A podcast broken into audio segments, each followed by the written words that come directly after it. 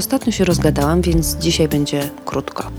Często pytam ludzi, z czym im się kojarzy poczucie szczęścia.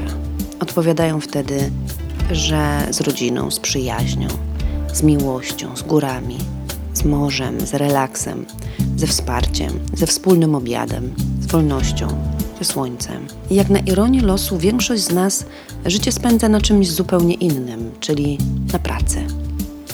Oczywiście i praca, i jej wytwory są istotnym elementem naszego życia, przynajmniej mojego, ale jak mówi chińskie przysłowie, za pieniądze możesz kupić sobie dom, ale nie ciepło rodzinne. Możesz sobie kupić łóżko, ale nie sen. Możesz sobie kupić zegarek, ale nie czas. Bo gdyby tak zadać sobie na koniec życia odwrotne pytanie niż w książce, czego najbardziej żałują umierający, czyli czego byś na pewno nie żałował, to większość z nas odpowiedziałaby: Nie żałuję, że nie siedziałem więcej w pracy. Czas, który poświęcamy na zarabianie pieniędzy, okazuje się bezcenny. Nie można go kupić więcej za te pieniądze, które zarobiliśmy, a towar ten znika z półek bardzo szybko. Nieustająco go oszczędzamy, staramy się nadrobić, nadgonić, nie stracić i im szybciej nadganiamy, tym szybciej on gdzieś wycieka. Jednym z ważniejszych elementów naszego zdrowia psychicznego jest właśnie czas. Czas poświęcony tylko sobie.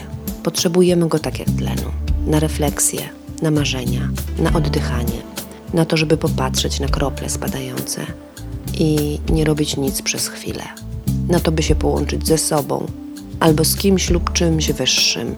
Nie da się tego zrobić, jak nigdy nie jesteśmy sami w ciszy.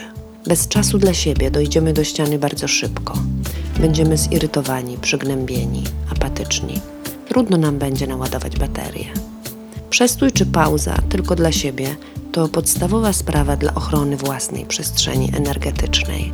Nie da się tylko wydawać energii, trzeba też ją czasem kumulować. Nawet w sytuacji, jak pracujemy w domu, możemy coś skubnąć dla siebie każdego dnia. Wychodząc do sklepu, iść na dłuższy spacer, albo coś, co ja bardzo lubię, ogłosić detoks społeczny, odłączyć się na chwilę od mediów, pracy i telefonu. Można też zaadoptować ten zajęty czas na to, by zachować się w nim po ludzku, nie być maszyną, która załatwia sprawę. Niech tak zwane małe sprawki życiowe nie będą tylko transakcją finansową. Kontakt międzyludzki, który jest również naszym paliwem, może zaistnieć w każdej sytuacji.